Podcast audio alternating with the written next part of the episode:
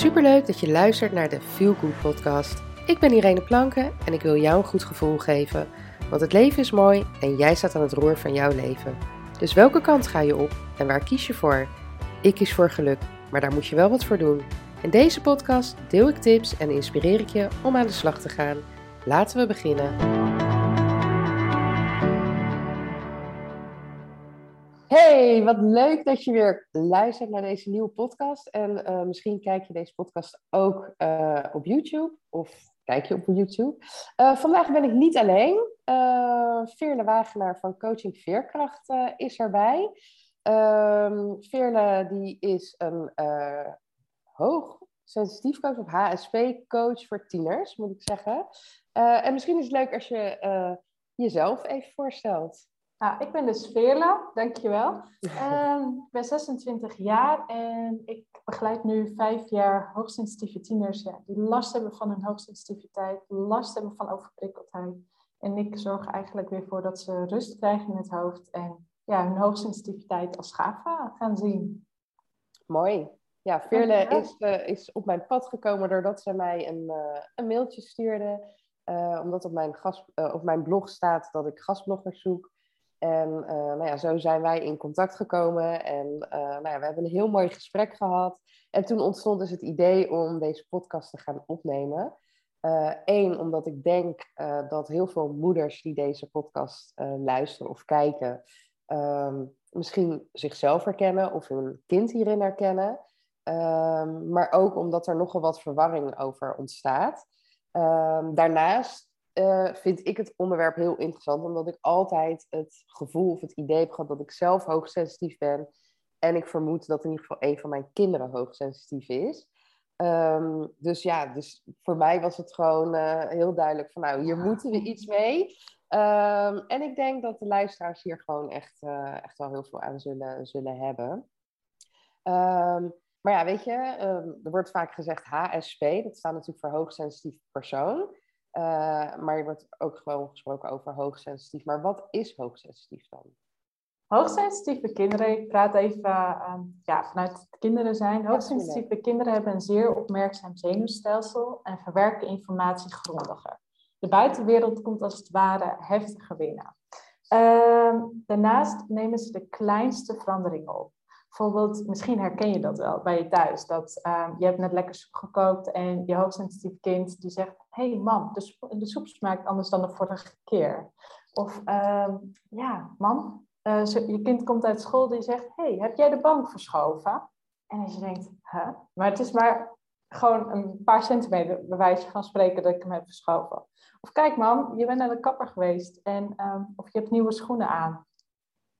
Daarnaast verwerken ze sensorische informatie intens. En wat betekent dat nou eigenlijk? Hoogsensitieve kinderen uh, zijn heel erg gevoelig voor geluid. Dus bijvoorbeeld harde geluiden van auto's. Daarnaast zijn ze heel gevoelig voor bijvoorbeeld kledingmerkjes in, uh, in nieuwe kleren. Dus die moeten uitgeknipt worden.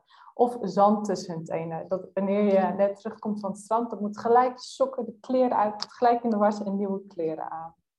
Um, leuk om te vermelden is dat niet ieder kind in dezelfde mate sensitief is. Dus de ene kind is bijvoorbeeld heel gevoelig voor fysieke sensaties zoals pijn. Het andere kind is bijvoorbeeld heel gevoelig voor sociale emoties, um, sociale veranderingen ook. En het andere kind um, ja, is bijvoorbeeld weer gevoelig voor ja, iets anders, bij wijze van spreken. Ja, en Hè, want ik herken dus bij, bij, als ik dan even naar mezelf, want dat praat wel zo makkelijk. Als ik dan uh, kijk naar de dingen die je net benoemt, uh, bijvoorbeeld die labeltjes. Mijn oudste dochter heeft echt al vanaf dat ze heel klein is, moeten altijd alle labeltjes moeten eruit. Als een sok niet goed zit, moet die opnieuw aan. Um, nou, weet je wel, die, die heeft dat inderdaad heel erg. Dus dat is veel meer qua, die ruikt ook heel sterk dingen. Uh, dan zegt ze, oh, wat ruik ik? En dan ruikt de rest ruikt niks. En dan op een gegeven moment komt die geur, zeg maar, onze kant op voor mijn gevoel. Dat ik denk, oh ja, dat ruikt. Maar zij rookt dat dan al ver van tevoren, zeg maar. Um, terwijl mijn andere dochter, die heeft het veel meer inderdaad echt op het... Zij voelt echt emoties aan. Ja. En um, uh, je merkt dat dat ook heel erg... Uh, heel veel invloed op haar heeft. Bijvoorbeeld tegen mijn oudste dochter kan ik best wel heel boos worden. maar die haalt de schouders op en die denkt, nou weet je, je schreeuwt maar of je doet maar. mij boeit het niet. Terwijl ehm, bij mijn jongste dochter, ik hoef maar mijn stem een beetje te verheffen. En die oogjes worden helemaal groot. En ehm, vooral toen ze jongens begon ze meteen te huilen, zeg maar. Dus je merkt, ik weet niet of zij hoogsensitief zijn, ik vermoed het wel. Ehm, ja, merk je inderdaad wel verschillende dingen. Dus bij de een wat je zegt, bepaalde dingen herken ik heel erg. En andere dingen uh, herken ik weer heel erg bij de ander. Maar hoe weet je nou dan, want ik zeg dus net van, hè, ik, ik vermoed dat ik en ik vermoed mijn kinderen. Maar hoe weet je nou dat je hoogsensitief bent? Hoe kan je, is daar een bepaalde, kan je daar een test voor doen? Of kan je daar, moet je daarvoor naar de huisarts? Uh, weet je wel, wat als jij, hè, met de luisteraars luisteren ook, die denken ook van, hé, hey, ik herken bepaalde dingen. Wat, ja, hoe kom ik er dan achter dat het echt zo is? Ja, dat is een hele leuke vraag. Uh, ten eerste vind ik het belangrijk om te stellen, hoogsensitiviteit is geen diagnose. Het is niet zoals autisme een ontwikkelingsstoornis, mm waar autistische kinderen 2% van de wereldbevolking dat heeft. In Nederland ligt het percentage iets hoger. Um, ja, is 15 tot 20% van de hoogsensitieve kinderen hoogsensitief. Dat is 1 op de 5. En het is een karaktereigenschap. Leuk om te vermelden is, is dat het ook erfelijk is. Dus bijvoorbeeld mijn moeder is ook hoogsensitief, dus vaak zit het al generaties in de familie. Alleen nu worden we er echt bewust van. En als je ontdekt, hé, hey, ik denk dat mijn kind hoogsensitief is, kan je een test doen. En de test is van Elaine Aron. Dus hij is de uh, grondlegger, een Amerikaanse psycholoog, de grondlegger van hoogsensitiviteit. En die vragenlijst bestaat uit 25 vragen. En bij 13 vragen of meer met ja beantwoord, kan je aannemelijk zeggen dat je kind hoogsensitief is. Oké. Oké, dus ik zal de, de naam van deze persoon zal ik in de, in, de, in de bio zetten voor degene die die test willen doen. Klopt, en die kan je gewoon op Google vinden. Ja, en je hebt natuurlijk ook blogs voor mijn website geschreven. En daar komt dat ook uh, in terug. Um, Oké, dus dan, dan doe je die test en dan, nou, daar komt dan uit, je bent hoogsensitief. En dan? En dan, uh, ja, dan, dan denk je, oké, en nu? Dan is het inderdaad van, dan gaat er vaak een wereld voor je open. Zowel voor jou als ouder als voor je kind. Mm Belangrijk is dan inderdaad even te verdiepen in hoogsensitiviteit. Maar bijvoorbeeld ook hoogsensitieve kinderen leren meer van een vriendelijke terechtwijzing dan van een harde terechtwijzing. Dus het heeft net een andere manier van opvoeding nodig. Daarnaast zijn ze ook vaak heel erg gevoelig voor oordelen die jij hebt als ouder. Vaak mhm. zijn hoogsensitieve kinderen ook onwijs perfectionistisch. Dat herken ik althans bij mezelf. Dus dan wil je het zo goed mogelijk doen. En als je nou als ouder dan onbewust ook die druk nog oplegt, ja, dan kan het kind daardoor helemaal in vastlopen. Dus eigenlijk wat ze nodig hebben, is echt, ehm, ja, ik werk voornamelijk met tieners. Mhm. Dus dat je de, een bepaald deel verantwoordelijk bij hun neerlegt. Dat je ook vraagt, wat heb jij van mij als ouder nodig? Open communicatie en dat een hoogsensitiviteit er mag zijn. Voornamelijk belangrijk te vertellen dat ze niet anders zijn dan andere kinderen. Maar ze hebben een extra gave. Precies. Ja, en ja dat is het natuurlijk, uh, dat is het natuurlijk ook. Uh, dat je, uh, hè, sowieso ben ik heel erg voorstander van uh, open communicatie met je kinderen. en dat, ja, dat doe ik zelf persoonlijk ook. Ik praat heel veel met mijn kinderen. En ze krijgen bij mij alle ruimte om inderdaad te vertellen als er iets dwars zit of als ze iets voelen of wat dan ook. Um, maar ik denk dat het dan dus, als ik het goed begrijp, bij een, een hoogsensitief kind dan net, ja, dat, dat je daar net even wat meer je best voor moet doen. Klopt. Uh, en helemaal dat kind inderdaad het gevoel geeft van, nou weet je, je bent niet raar, je bent niet gek. Nee. Uh, jij voelt gewoon dingen net even meer of anders dan uh, hoe anderen dit voelen. Maar dat maakt je juist alleen maar heel erg bijzonder en mooi. Klopt, en um, dat is het ook. En vaak ja. hoogsensitieve kinderen, een veel voorkomend kenmerk is overprikkeldheid.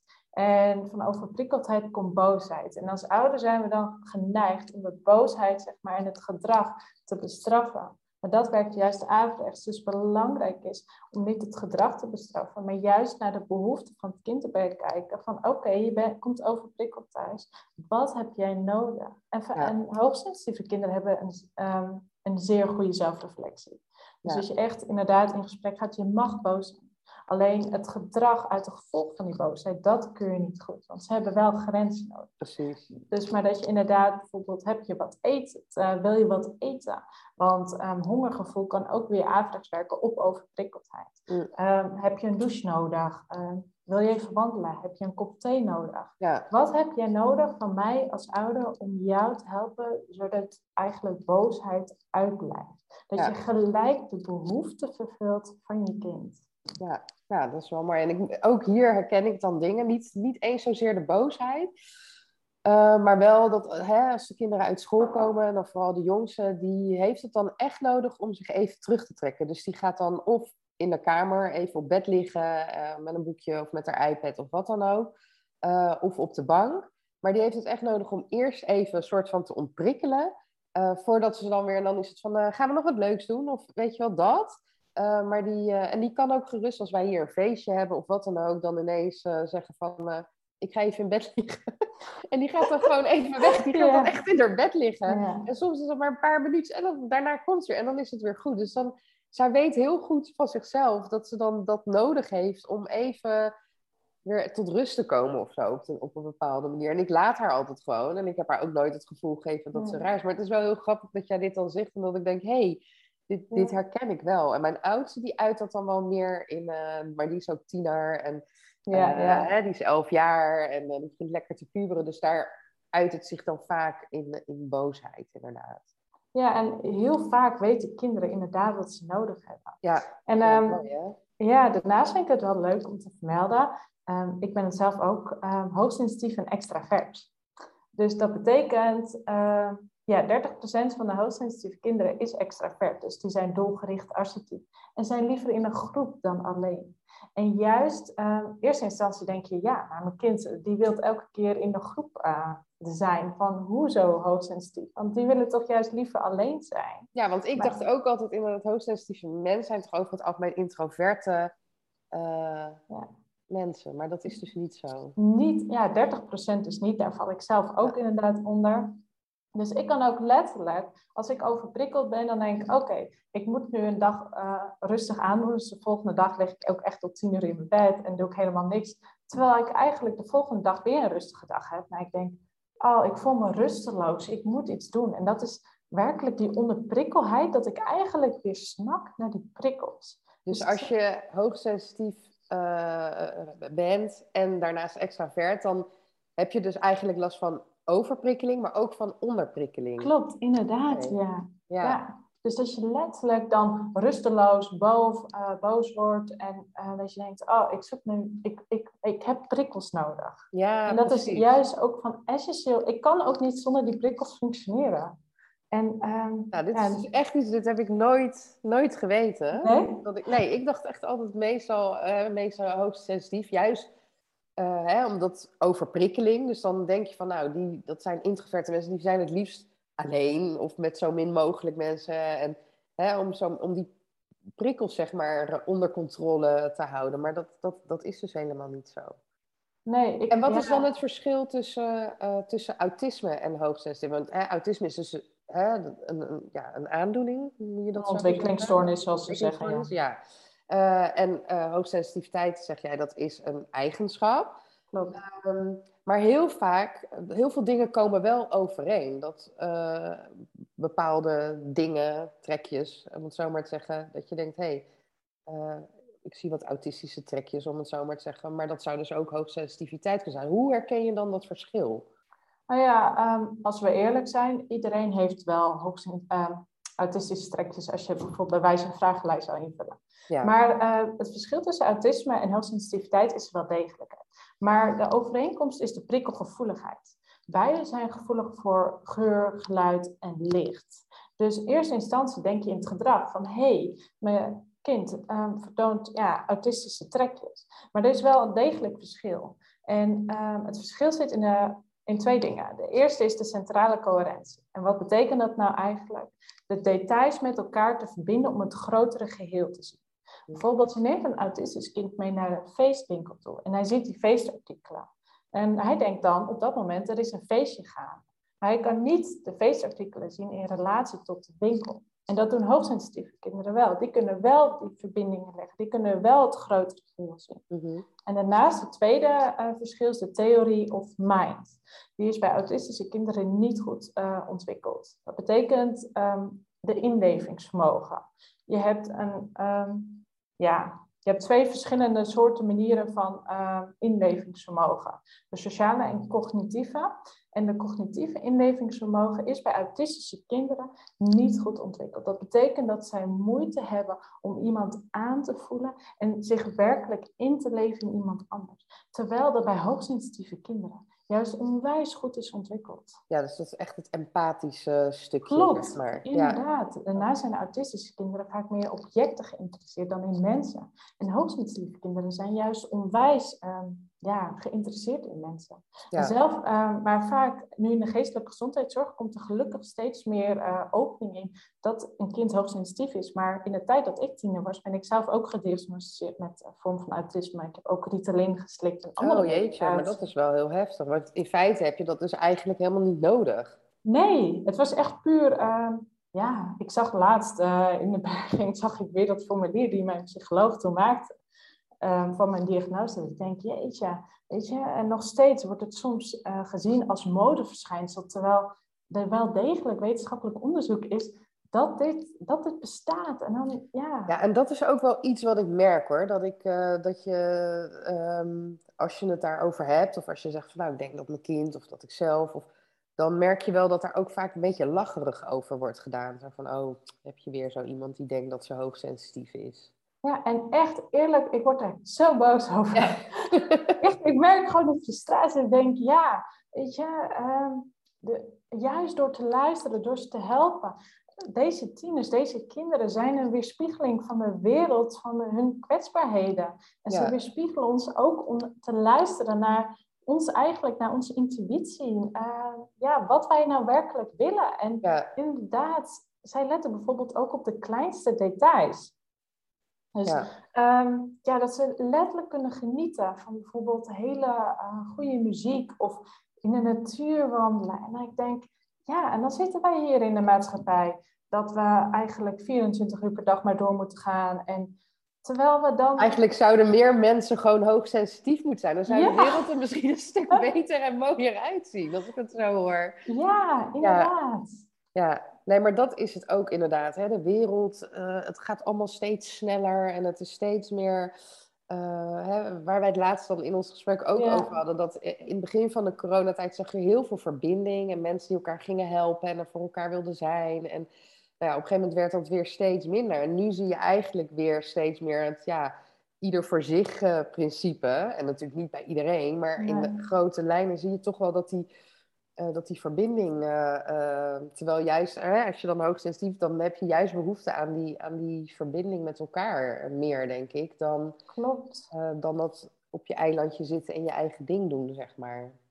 Klopt, en juist nu ook door corona zie ik ook dat, en wat ik ook hoor, is dat de, uh, geestelijke, in de geestelijke gezondheidszorg de wachtrijen echt onwijs lang zijn voor tieners. Ja. En dan denk ik, ja, waarom zijn er niet meer mensen die echt opstaan voor deze tieners om hen te helpen? Ja. Want de, ik, wat, waar ik, uh, wat ik ook zie en wat ik heb gehoord, dat de meeste hooggevoelige tieners juist hulp zoeken, juist in deze tijd. Ja. In de geestelijke gezondheidszorg. En vaak krijg ik ook... Ja, ze hebben het natuurlijk ook echt niet makkelijk gehad de afgelopen periode. Kijk, hè, mijn kind is dan zeg maar een beginnende tiener, dus die, die kan je nog prima vermaken. Maar op het moment dat jij met een, met een 15, 16-jarige uh, thuis zit, want ze hebben natuurlijk een hele tijd thuis, ze niet naar school, uh, hè, ze konden niet naar vrienden, ze konden niet uit, ze konden... Ja, ja, ik kan me dan echt wel voor zijn helemaal, als je dan ook nog eens hoogsensitief daarbij bent, dat dat echt enorme impact uh, op je heeft. Ja. En uh, nou ja, wel fijn dat jij dan in ieder geval uh, hè, degene ja. bent die, die hun stem is, om het zo maar te zeggen, ja. en voor ze opstaat. Um, hè, om even terug te komen op het stukje uh, ja, overprikkeling. Hoe, um, hoe kan je bijvoorbeeld je tiener daar dan bij helpen? Of hoe herken je het? Het? Want je zei net natuurlijk boosheid, maar uit het zich altijd in boosheid. En Um, ja, hoe kan, hoe kan zo'n tiener dan ontwikkelen? Je gaf net al een paar voorbeelden van hè, even onder de douche, even wat eten. Ja. Uh, maar dat is dan echt heel specifiek als ze uit school komen. Maar er zijn natuurlijk hè, meer momenten of in het weekend of als ze ja, uh, overprikkeld zijn op wat voor manier dan ook. Wat kan je dan als ouder doen om je kind te helpen ontprikkelen? Nou ja, um, sowieso, wat niet bij alle tieners werkt dit, maar s morgens begin met de visualisatieoefening. En dat is een hele simpele manier om bijvoorbeeld even een lichtbol uh, over je hoofd te visualiseren onder je voeten, zodat je eigenlijk echt in je eigen bubbel zit. Mhm. En daarnaast is aarde heel erg belangrijk. Dus lekker met blote voeten lopen op het strand, uh, in de natuur, zodat je echt goed gegrond bent. Zodat je, ja, dat je goed gegrond bent, waardoor je eigenlijk uh, niet immuun bent voor de prikkels, maar de prikkels ja, makkelijker kan handelen. En uh, inderdaad genoeg rustmomenten. Dus kijk echt naar de behoeften van je tiener. Als je bijvoorbeeld een dagje Efteling gaat, weet dat je tiener dan gewoon echt overprikkeld terugkomt. Dat je de volgende dag en desnoods avonds al, uh, ja, laat je tiener even in een hoekje zitten met een kop thee of echt even geen prikkels. Dus ook geen telefoon, geen iPad. Nee, precies. Dus echt even letterlijk ontprikkelen. En vaak ehm, hoor ik wel van ouders dat, ja, mijn tiener is natuurlijk een puber, dus die neemt niet heel veel van me aan als ouder. Ja, ja, ja, ja. Ja, dus uh, weet je, daarom die tips, uh, weet je, ga, kijk gewoon wat die tiener nodig heeft. En um, ja, dus echt, als je een drukke dag hebt gehad, zorg daarna echt voor de rust, voor de stabiliteit. Ja, zo min mogelijk wel een goede, uh, goede tip. En um, nou ja, stel dat er nu mensen luisteren en die denken van nou inderdaad, hè, nou, ik herken echt wel dingen in uh, uh, die je zegt, hè, dat, dat, dat herken ik bij mijn kind. wat kan jij voor ze betekenen? Nou ja, wat ik voor ze kan betekenen, wat, is een traject binnen drie, in drie maanden. Zes mhm. sessies, dus om de twee weken, waarin de tiener echt leert om zich af te sluiten. Ik neem altijd de metafoor van een huis. Uh, ja, de voeten die zweven ergens, de verdering is niet goed gelegd en eigenlijk uh, ja, je romp en bij je borst zijn de deuren wagenwijd open en je hoofd zit eigenlijk continu vol met gedachten. En het, is een het zijn verschillende technieken dat je gebruikt in vijf verschillende manieren om uiteindelijk zeg maar, echt af te sluiten voor de prikkels. Daarnaast, um, ja, wat is je intuïtie, wat is je mind? Hoe kan je zorgen dat je s'morgens niet meer overladen wordt door piekerende gedachten?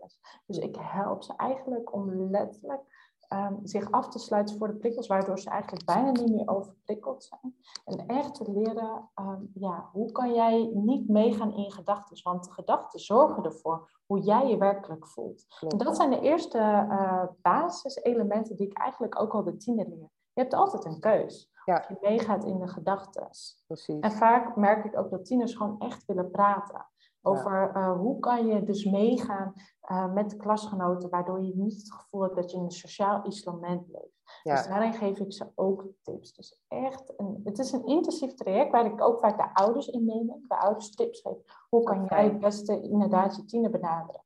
Want als jij een tiener coacht, dan ja, vaak spelen de ouders ook mee. Dus de hele familiedynamiek verandert eigenlijk.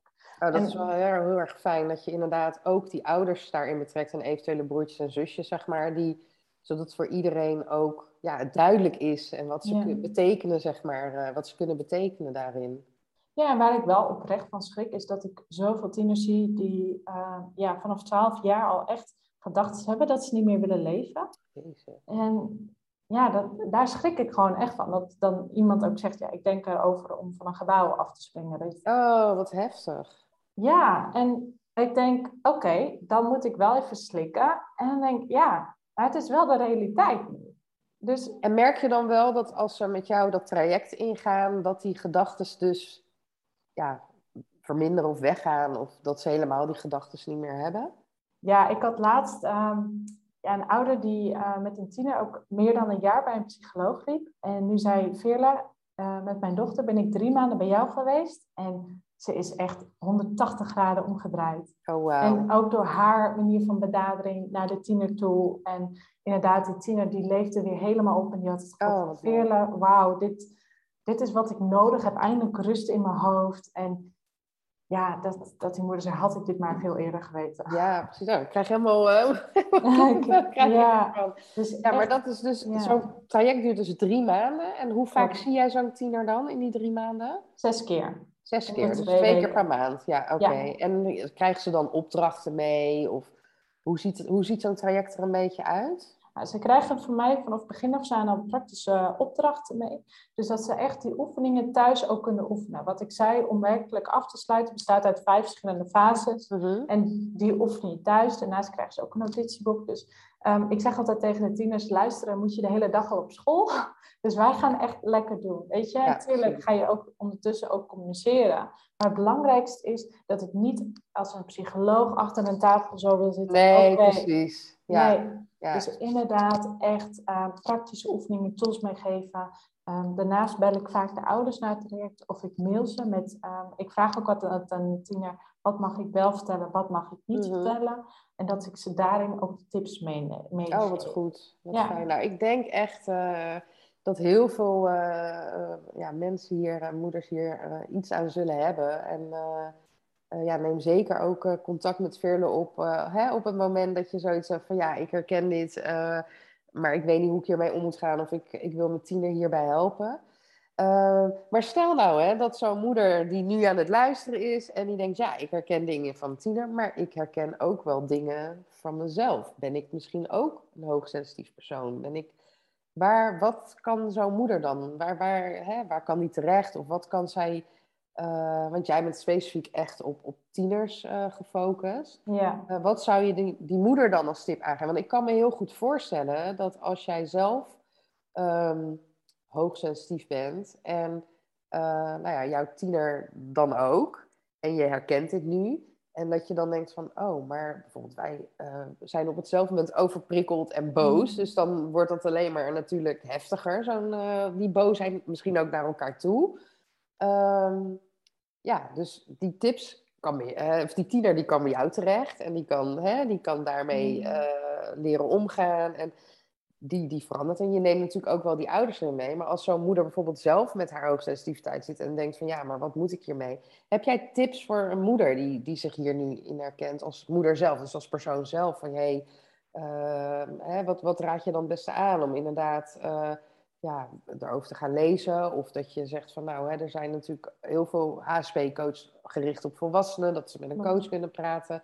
Wat zou jij dan zo... Want ik neem aan dat je dit wel vaker... Omdat je zegt het is erfelijk. Dus ik denk dat je wel vaker eh, tieners in jouw praktijk hebt gehad... waarvan die ouders dan zeiden van... hé, hey, eh, ik denk dat ik zelf ook wel hoogsensitief... Wat zeg jij dan tegen zo'n ouder? vaak ga ik ook met hun telefonisch in gesprek. En vaak is het eh, inderdaad dat ze in een situatie zitten waar ze beide ontploffingsgevaren hebben. Ja. Dus dan geef ik ook gelijk tips mee aan die ouders. Dus ondanks dat ik de tienerscoach, ehm, is het een hele verandering ook ehm, voor de ouders. En is het tegelijkertijd voor hun ook hard werken. Ja, Dus vaak neem ik hun ook mee van tips van hoe kan je dit het beste doen, wat kan je bij jezelf toepassen, dat ze denken, oh wauw, wat een eye-opener. ja, Dus ehm, ja, mijn intentie is inderdaad tieners. Maar tieners zijn nog kinderen. Ja. En juist, ze wonen nog thuis. Dus de hele familie neem je eigenlijk mee. ja. Ja eigenlijk gebeurt het als ze op het moment dat ze in zo'n traject gaan met jou... dan neem je al dat hele gezin neem je daarin eh, in mee. Klopt. Ja, Ja, oké. Nee, ja, dat is echt. ehm, ja, ik vind het echt heel mooi wat je doet. En ehm, ja, voor mij zijn er ook, naar, hè, en ook naar aanleiding van de blogs die je, die je hebt geschreven, die dan, eh, als jullie dit luisteren, staan er al twee eh, online. En de, de laatste die komt dan eh, op vrijdag online. Ehm, maar ja, die heb ik natuurlijk eh, ehm, moeten lezen om ze op mijn site te plaatsen. En daar kwam ik ook al heel veel herkenning tegen, maar ook dat ik dacht, oké, wauw. En wat ik, wat ik dus vooral heel erg bij mezelf merk, is dan, ja, ik wil niet zeggen schaamte, maar wel dat stukje, eh, weet je wel, dat sommige mensen kunnen natuurlijk gewoon stom reageren op bepaalde dingen. Eh, maar ook hierop, hè, wat ik net zei, dat ze dan, oh, daar heb je weer iemand. En ik denk dat we gewoon, eh, ja, dat we een soort nu een statement moeten maken van, joh, weet je, wees gewoon wie je bent. Want je mag zijn wie je bent. En of je nou wel of niet hoogsensitief bent, weet je wel, wees gewoon wie je bent en, en schaam je daar niet voor. En ehm, nou ja, als ik dan kijk naar eh, waar ik over schrijf en wat ik, dan denk ik dat die moeders heel veel daaraan hebben. Want waarschijnlijk komt het ook omdat het hè, vanuit mij komt en omdat ik zelf, eh, nou ja, dus wel kan zeggen dat ik hoogsensitief ben. Eh, predik ik heel vaak van pak je rustmomenten Ja. en zorg goed voor jezelf. En hè, dat soort dingen. Dus ik, ik denk dat we nu echt een hele mooie, mooie podcast hebben, Mm. hebben gemaakt. En ik denk dat heel veel, ehm, ja, wat ik zeg, moeders hier wat aan zullen hebben, herkenning zullen zien vanuit zichzelf of vanuit hun kind. Ehm, mocht je nou meer willen weten over eh, eh, hoogsensitiviteit, nou, dan kan je natuurlijk altijd contact opnemen met Veerle. Eh, in de bio van deze eh, podcast eh, zal ik haar contactgegevens eh, noteren. Kijk, ja. Ehm, ja, weet je wel, kijk ook op haar website. En eh, wat ik altijd eigenlijk in elke podcast zeg, neem contact op. Weet je, ook al wil je alleen maar even dat je ehm, denkt van, hé, hey, ik herken iets of weet ik het wat. Eh, weet je wel, stuur een DM via Instagram. Mag ook naar Veerle, maar mag ook naar mij. Want jouw eh, Insta-pagina is Coaching Veerkracht. Volgens mij Veerle Wagenaar. Oh, Veerle Wagenaar. Maar Ja. goed, eh, je, je volgt mij ook, dus je kan mij ook bij ja. Ik zet in de bio zet ik, Ja. eh, zet ik, eh, zet ik haar en haar e-mailadres, dat je altijd even terecht kan. Maar ook gewoon zoals altijd bij mij. Ja. Mag Ehm, ik daarbij nog iets toevoegen? Ja, natuurlijk. Ehm, dat ik, wat jij net inderdaad vertelde, is super mooi. En dat wil ik ook echt aan iedere luisteraar meegeven die dit luistert. Je mag echt in je kracht gaan staan. En wat anderen ervan zeggen, zij wandelen niet jouw levenspad. Jij ziet de eindbestemming, jij ziet jouw doel, ga ervoor. En ehm, tuurlijk, het is soms moeilijk dat je allerlei meningen van anderen hoort. Maar zij zien niet wat, datgene wat jij ziet. Dus geloof in jezelf, vertrouw in jezelf, want jij mag er zijn en jij doet het ook. Ja, nee, dat heb je heel mooi gezegd. En Ja. zoek ook ehm, hè, op het moment dat jij in je kracht gaat staan en dat jij staat voor wie je bent, zul je ook merken dat er mensen die daar op dezelfde manier in staan op jouw pad komen. En je zal merken, juist door je open te stellen en daarover te gaan praten, dat, eh, dat je niet alleen bent. Dat er meer mensen zullen zijn eh, die zeggen van, hé, hey, maar ik, heb ook, eh, ik ben ook hoogsensitief. Of ik heb daar ook last van. Of ik, Ja. heb, hè, ik herken dit wat je nu zegt. Dus inderdaad, weet je, wees niet bang om jezelf te laten zien. En weet je, er zijn altijd mensen die ergens wat van vinden. eh, en die ehm, hè, niet op een positieve of leuke manier eh, reageren. Of er nou iets heel leuks te vertellen is, of iets hè, niet leuks, of wat dan ook.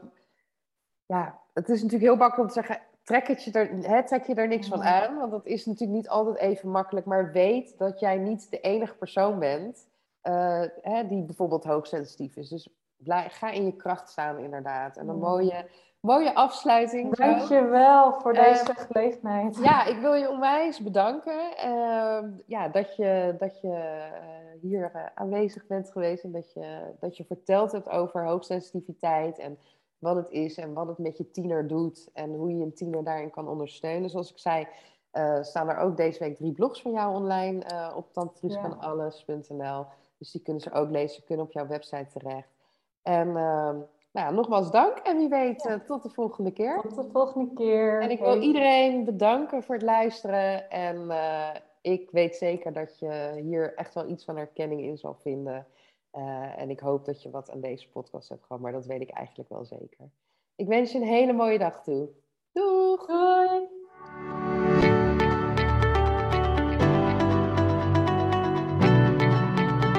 Dankjewel voor het luisteren naar de Feel Good podcast. En heb ik je kunnen inspireren?